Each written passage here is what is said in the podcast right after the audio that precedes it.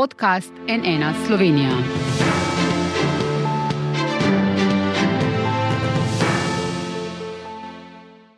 Dobr dan, to je NN studio. Bo vlada težave na nepremičninskem trgu reševala tudi z ostrejšimi pravili kratkoročnega oddajanja stanovanj? Nekaj dnevni najemi prek zelo priljubljenih platform, kot sta Airbnb in Booking, so v skokovitem porastu, zlasti zaradi turizma. To pa drži vse najemnine. Področje je popolnoma nepregledno in neurejeno, pravijo na vladi. Bodo zato tak najem omejili na 30 ali 60 dni na leto? Sobodajalci medtem svarijo, zaradi razmer v Ljubljani bodo nastradali povsod v Sloveniji. Kaj bo torej storila država, kakšne bodo pristojnosti občin, kako se bo to poznalo na nepremičninskem trgu, bo stanovanj več in kaj bi to pomenilo za turizem. Z mano v studiu sta državni sekretar na Ministrstvu za solidarno prihodnost Klemen Ploštajner, dober dan, dobrodošli, in predsednica Združenja sobodajalcev Katja Rezman, lepo zdrav tudi vam. Zdravljeni.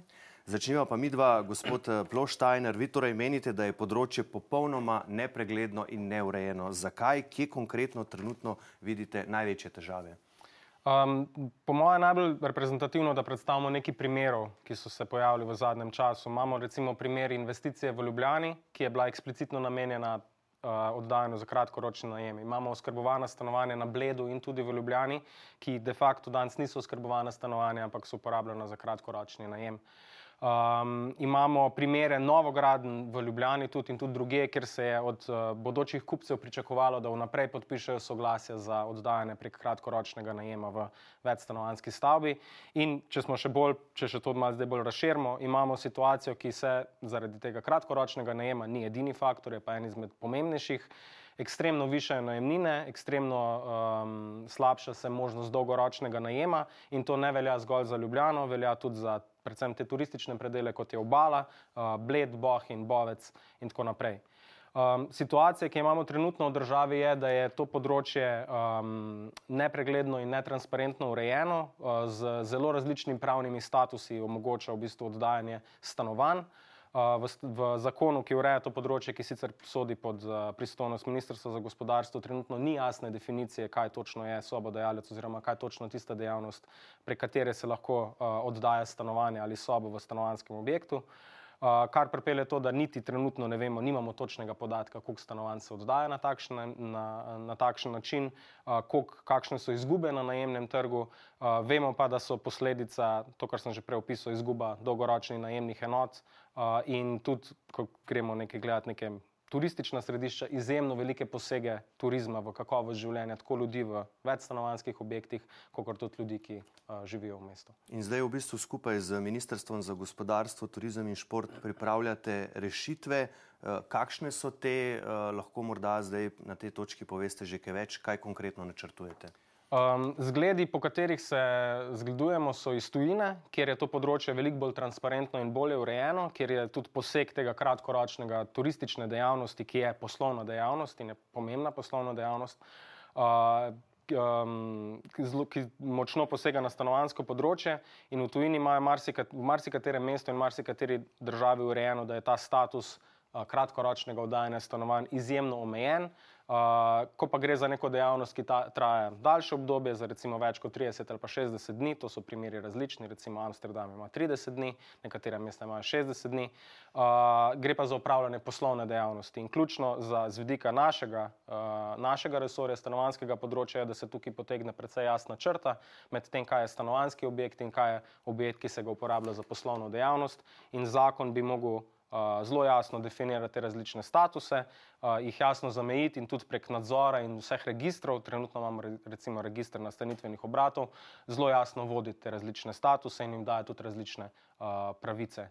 In tudi dožnosti, ki jih imajo. Pa boste potem lahko potrdite na tej točki, umili na 30 dni, na 60 dni, kaj boste naredili? Uh, Um, točno število dni je v bistvu stvar razprave, ki bo treba seveda doseči nek splošen konsens. Greste pa v tej smeri, če prav razumem. Za nas, za nas je ključno, da je stanovanje stanovanje. Stanovanje je prostor bivanja, stanovanje je tisti prostor, v katerem ljudje si ustvarjajo svoj dom in družino in ta prostor se ne sme uporabljati za turistično dejavnost. Za turistično dejavnost so namenjene druge kategorije objektov, kot so poslovni in gostinski prostori.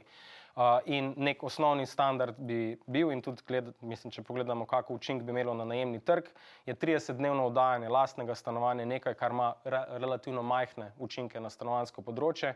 Daljšanje tega ali pa omogočanje oddajanja drugi, drugih enot bi pa pomenilo v bistvu zelo prekern položaj za najemnike, ki bi pogosto morali potem sklepati recimo to, kar recimo praksa poznamo na Primorskem, tudi v Ljubljani se dogaja, ker študenti dobivajo devetmesečne najemne pogodbe, za tri mesece se morajo odseliti in v tem času se stanovanje namenja za turistične namene. Zato je treba to črto, ki bo treba v javni razpravi zagotovo nek jasno določiti uh, in nek splošen konsens okoli te narediti, mora slediti temu, da, se, da bo posegi na dolgoročni najemni trg uh, čim manjši. Zdaj, gospa Rezman, v Združenju sobodajalcev omenjate, da se bo zgodila katastrofa, če vlada kratkoročne najeme omeji na tak način in očitno razmišlja v tej smeri. Uh -huh. uh, zakaj pravite, da bo to katastrofa? Predvsem zato, ker v bistvu v, kot nekak, iz Združenja sobodajalcev se vedno ukvarjamo s temi, kdo uh, so tisti, ki, ukvarjajo, uh, ki vdajo na kratkoročno dejavnost. To, to so največkrat sobodajalci, to so največkrat upokojenci. V veliki večini primerov. Zdaj, kadarkoli prijemo na to situacijo, da nekdo želi omiti 150 na 30-60 dni. To pomeni, da bomo imeli iz pol leta na en mesec. To, to je problem, tle vidimo težavo. In turizem kot tak ne obstaja samo o, en mesec, recimo na obali ali pa v nekih določenih zadevah. V Ljubljani, je, ki je specifika, se lahko nekako lahko oddaja celo leto, ker je nekako turistično naravnana. Ampak turizem po, po, po, po določenih segmentih, recimo na obali, poteka recimo pol leta, recimo, ne? na Gorenskem, nekje druge, pa manjši, na manjši rok. Ampak ne more pa Ljubljana biti merilo za to. Ker mi predvsem vidimo, da so tukaj štartali. Kaj bi to pomenilo? Se pravi, čujem, ja. recimo, če naredijo to tako, kot pač zdaj uh, poslušamo, uh mhm. -huh. in izhajajo iz tega, da je največji problem v Ljubljani. Kaj bi to pomenilo, kot vi upozarjate, za druge dele Slovenije, kjer recimo takih problemov kot Ljubljana nimajo? Ja, da bi kar naenkrat, dosti tistih, ki se ukvarjajo s sobo dejavstvom na kratek rok, to govorimo o 150 dneh, pomeni, da bi kar naenkrat bili rezani na 30 do 60 dni uh, in bi dejansko izgubili nek, uh, nek proces v, tekom, v, v, v tem času delovanja. Zmanjkalo bi jim dni, zmanjkalo, oziroma se ne bi mogli dejansko ukvarjati s to dejavnostjo, ki po, po nekih merilih jim tudi bomo iskreni, prinaša nek, do, nek doprinos oziroma v družinsko blagajno, če lahko temu tako rečem. In Ampak če je to tega. Ja. zaslužek, ja. ne, se upravičujem, ja. potem lahko se pa registrirajo, lahko pač namennost objekta spremenijo, je to poslovni prostor oh. oziroma gostinski objekt in se ga pač oddaja. Za lahko tudi več kot 150, lahko tudi več kot 30 dni ali 60. Ja, seveda, ampak poglejmo, kdo lahko oddaja. Uh, zdaj, če sem štartala iz, recimo, iz vidika upokojencev. Uh, Oni se lahko danes registrirani kot sabodajalci. To pomeni, da lahko danes, danes oddajajo do 150 dni. Tisti, ki pa želijo oddajati na daljši rok, pomeni, da morajo odpreti ali popodanski SP ali SP, torej da lahko na daljši rok oddajajo. Torej, ampak vsi, ne, ne, ne glede na to, ali oddajaš ti nad 150 dni ali celo leto, ali si kot popodanski SP, plačuješ prispevke, plačuješ dejatve, plačuješ DDV, plačuješ ne na zadnji, če se pogovarjamo o vseh teh platformah, preko katerih oni oddajo, plačujejo provizije. In torej gre, gre se ne samo na provizije, na te, na te njihove, a, torej na aplikacije, ampak tudi na zadnje a, davek na, na provizijo. Torej je, s, kako ne rečem, bodo zgubili izgubil se bo ta naboj. Pa, če, če samo pogledamo te sopodajalce kot, kot tisti, ki vdajo, sopodajalstvo ne obstaja zdaj zaradi Airbnb-a. Sopodajalstvo je že z nami predvsej časa, je v bistvu po eni strani steber slovenskega turizma, lahko to gledamo, ker to so, rečemo, temu uh, neka družinska tradicija in tako naprej. Uh mhm. -huh. torej, jaz bi iz tega gledala, da se bo na tej črti lahko marsikaj zgodilo in se lahko zgubi tudi na boj turizma, če lahko temu tako rečemo. Če gledamo z vidika svobodajstva. No. Kako odgovarjate na to, da bi nekako, bom rekel, oslabili ta stebr turizma v Sloveniji uh -huh. s tem? Um, predlog, ki je, kot sem rekel, je tudi uveljavljen v marsikaterem evropskem mestu. In to so mesta, ki so zelo turistična in v katerem turizem zelo dobro živi. To pomeni, da pač lahko so obstaja in mora so obstajati kakovostno, dostopno stanovanje za dolgoročen najem in tudi nek živ uh, tu, živ turizem. To dvoje moramo kot država in tudi kot mesta in lokalne skupnosti uravnotežiti. Trenutno ne lokalne skupnosti, ne država, zaradi pač zakona, na kakršen način je napisan in tudi zaradi zgodovine, vse, kar je tu notro upleteno, ne dosega ne prvega, ne drugega. Niti ne kakovostnega stanovanskega področja z dolgoročnim najemom, niti kakovostno urejenega in preglednega turističnega oddajanja. Če sem zelo konkreten, za sobodajalstvo, ki je bilo v začetku, se strinjam, mišljeno kot neka rešitev za um, za recimo, visokogorske kmetije ali pa za neke ne vem, posameznega apartmaja, ki jih imajo posamezniki v nekih, ne vem, v primorskem mestu, ne, je prerasel v status in v način oddajanja, v način oddajanja uh, ki se je močno zažrl v stanovansko področje in je tudi po uvedbi, po, potem ko je Airbnb prišel v Slovenijo, je močno eksplodiral in je se začel zažirati in ima veliko negativnih učinkov na družbo. Uh, z, z predlogom, ki, ki se ga pač pripravlja in s temi nekimi osnovnimi usmeritvami, se nikakor ne, omogo, ne onemogoča ljudem, da izvajo turistično dejavnost. Želimo zgolj to narediti, da se izvajo na način, kot jo izvajo vsi drugi in to, da jo izvajo kot poslovno dejavnost, kar tudi je.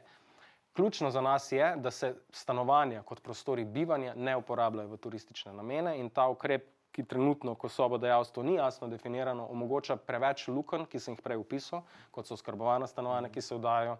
Gremo po centru Ljubljana, vidimo polno ključavnic, ni to sam primer uh, Ljubljana, imamo Bled, Bohin, Bovec, primorska mesta.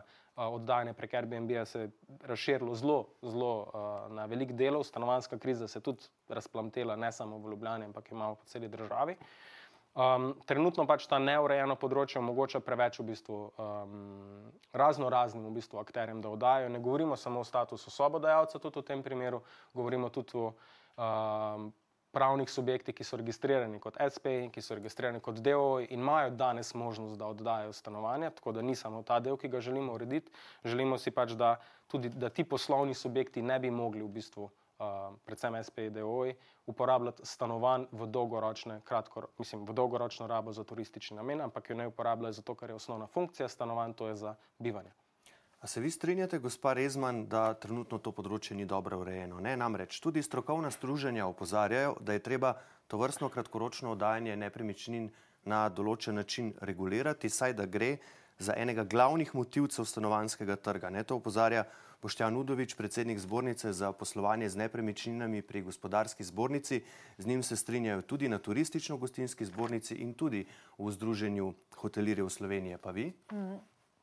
No, v Združenju sobodajalcev, ko se pogovarjamo o teh zadevah, ja, se strinjamo, stanovanska politika je potrebno urediti. To, to je.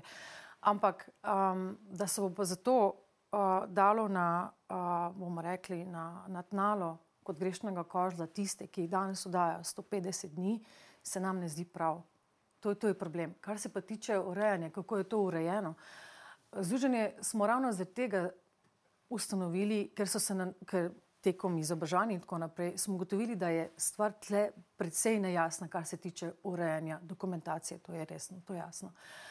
Um, ni neke enotne politike, ne ve, na koga se obračati, ne ve. In bomo čisti iskreni, dosti jih nima urejene vsega papirja, rečemo dokumentacije ali pa birokracije, ravno zato, ker je to predvsej, bom rekla, na roko je razpuščeno. Ampak um, jih je, ja, definitivno jih je treba izobraziti, potrebno jih je umestiti, potrebno jim je povedati, kako se to dela na prav način, da ne bo prihajalo do teh sivih con. Če bo prišlo do nekih sprememb, kot je pa to, se pa bojim, da se bo potem spet to kolese tako zavrtelo, da se ne bo dalo regulirati ničesar več. Že sedaj je tako, da um, uh, dosti teh, ki oddajo preko tujih platform, ne vedo, da se morajo prijaviti kot atipični DDV zavezanec recimo, in na podlagi tega spet pride kazni. Ampak zakaj ne vedo? Zato, ker jih enostavno vseh ne se jim ne pove, oziroma niti ne vedo, kam se naj obrnejo. Ne. In zaradi tega bi si mi v Združenju res želeli, da se te stvari nekako jasno povedo. Ja, na tak način, na tak način to lahko delate, ampak ne, ta, ne, ne pa tako, da se bo rezalo v teh 150 dni. To, to je nekako um, naše mnenje. No. Gospod Ploštajner. Um, to, to, kar ste omenili, to je To se nam tudi zdi v bistvu ena glavnih težav, ki je uh -huh. iz področja m, mm, transparentnosti in preglednosti. In trenutno imamo recimo registr nastanitvenih obratov, katerega se mora vsak, Opisati. ki oddaja uh, v turistične namene svoj obrat, uh, registrirati.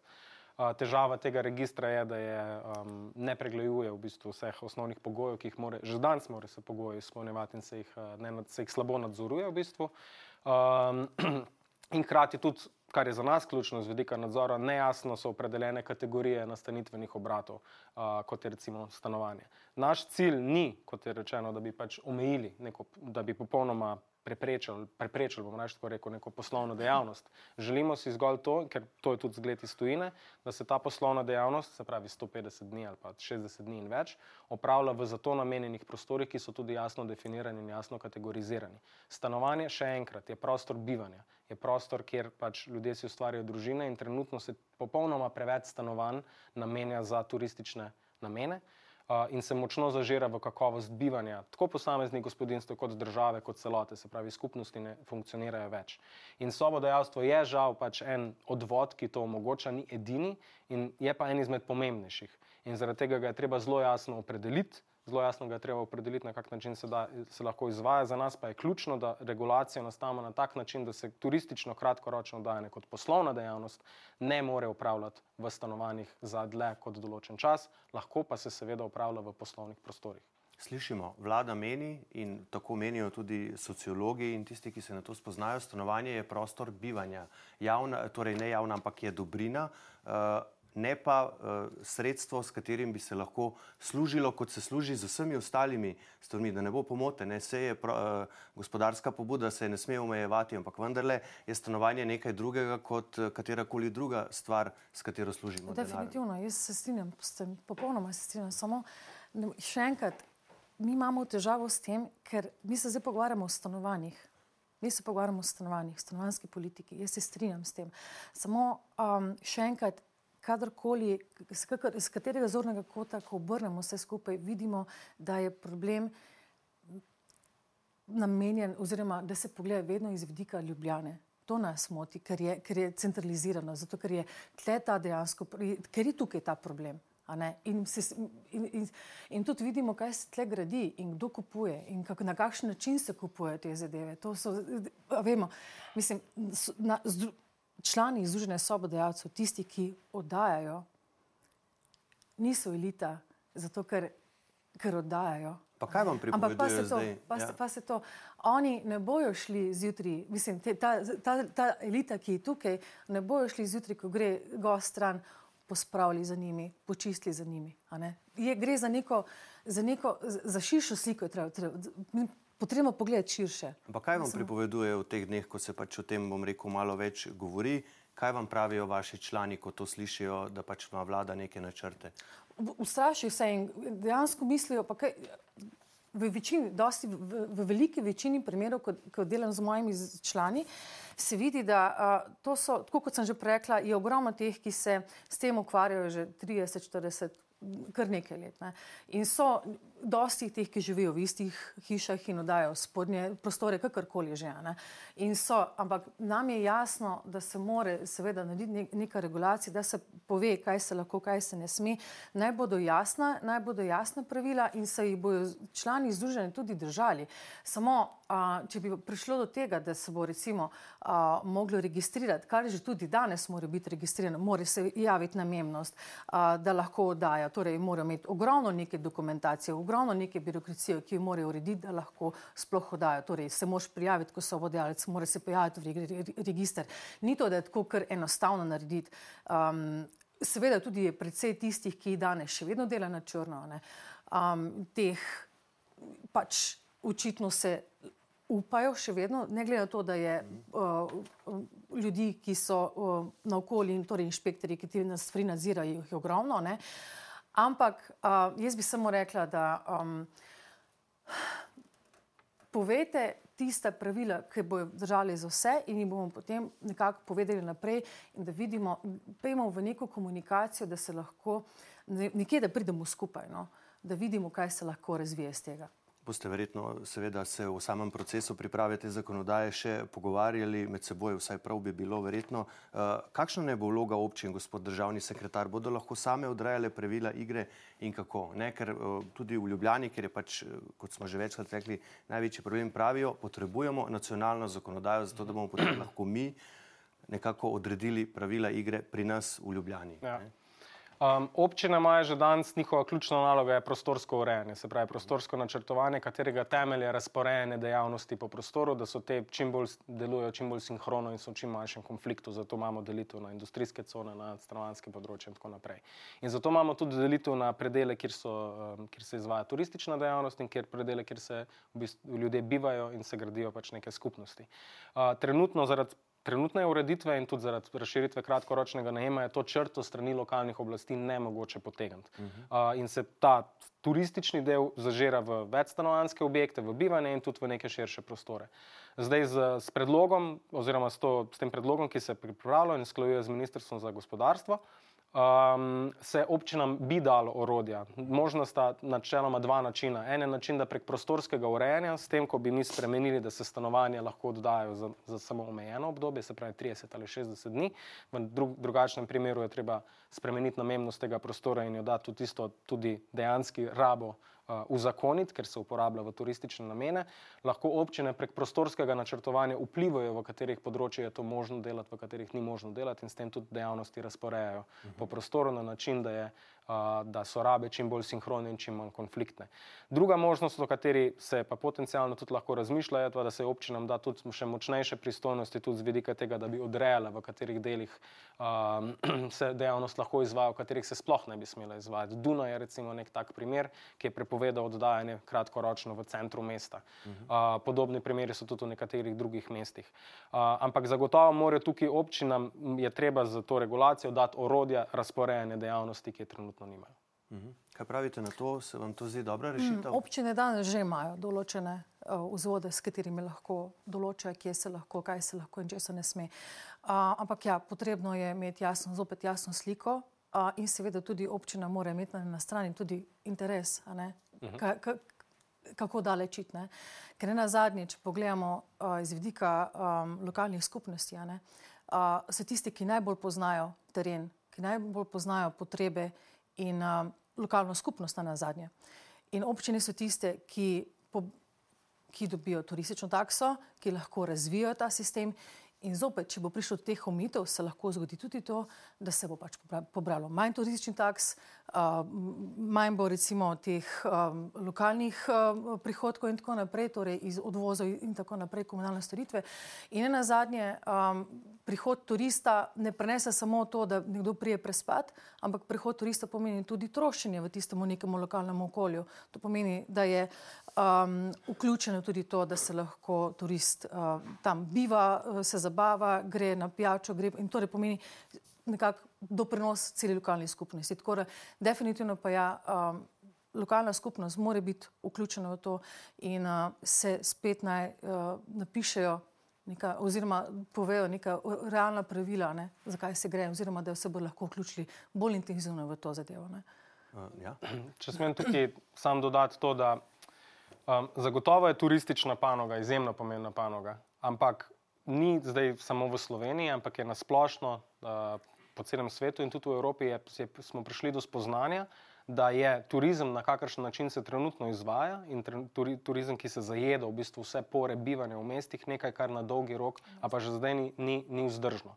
Govorimo lahko tudi o večjih mestih ali pa tudi o manjših krajih. Bled, Bohin, Bovec, Kranska gora, Gost Martulk so primeri krajev, ki so močno turistično preobremenjeni, v katerih je bivanje preprosto za lokalnega prebivalca postaje skoraj da nemogoče. To pomeni, da ravnoteže med turizmom in stanovanskim in bivanjem na splošno se je popolnoma podrlo.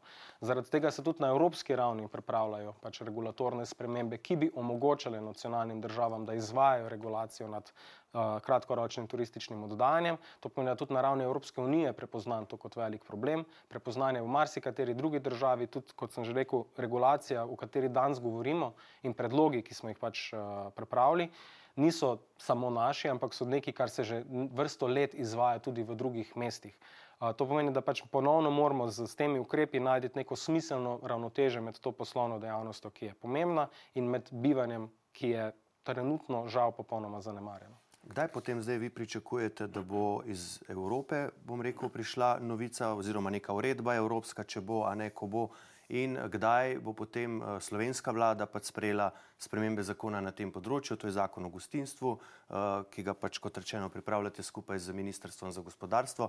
Kdaj pričakujete, da bodo te spremembe lahko zaživele v praksi? Boste naredili tako, da bi, ne vem, usporedno z Evropo to Slovenija uredila?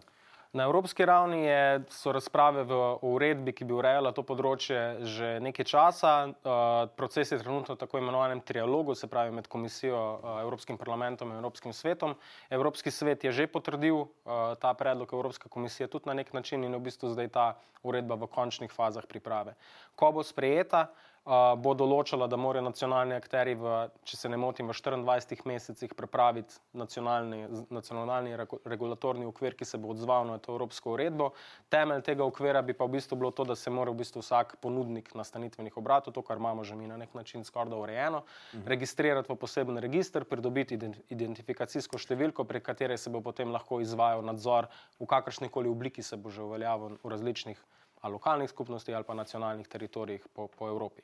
Tako da ta uredba je v bistvu v zadnjih fazah sprejemanja, težko pač napovedujemo zdaj, kdaj, kdaj bo. Kar se tiče pa uh, konkretno zakona o gostinstvu, je pa, kot sem že omenil, to proces, ki ga, v, ki, v katerem sodelujemo skupaj z Ministrstvom za gospodarstvo, je pristojnost njihova, uh, je pač proces, ki bi ga radi zaključili v recimo, v tem ali pa v naslednjem ali pa še leto, leto kasneje, ampak pač nek proces, ki bi ga radi čim hitreje zaključili, čim hitreje prišli do konkretnih rešitev, uh, ki, um, ker je pač situacija. Um, Saj na stanovanskem področju tako urgentno, da zasluži tudi urgentno, urgentno delovanje. In uh, smo uh, pri koncu, pa vendarle me zanima, kakšne konkretno učinke zdaj vi pričakujete teh sprememb na nepremičninski trg. Ne? Recimo, uh -huh. kolegi iz mladine so obširno poročali uh, v zadnji številki o tej problematiki, pridobili so tudi podatke o cenah uh -huh. uh, najema kratkoročnih nastanitev. Leta 2018 je bila povprečna cena najema na noč v Ljubljani, seveda 78 evrov, letos pa že dobrih 135 evrov. To je kar uh, občuten porast v nekaj letih. Ali imate mogoče tudi podatke, kako je to vplivalo na ceno tako imenovanih običajnih najemov, torej za daljše obdobje, ker se mhm. plačuje mesečna najemnina in kaj konkretno v bistvu zdaj pričakujete, kako bo to vplivalo potem na, na, na te cene, če boste te spremembe uvedli? Ja, uh, konkretnih podatkov, zaradi tega, ker je področje tako pre, nepregledno, je jih zelo težko imeti za Slovenijo. Imamo analize, ki kažejo na izjemen porast uh, kratkoročnega oddajanja in tudi pač prisotnosti nastanitvenih obratov na različnih platformah.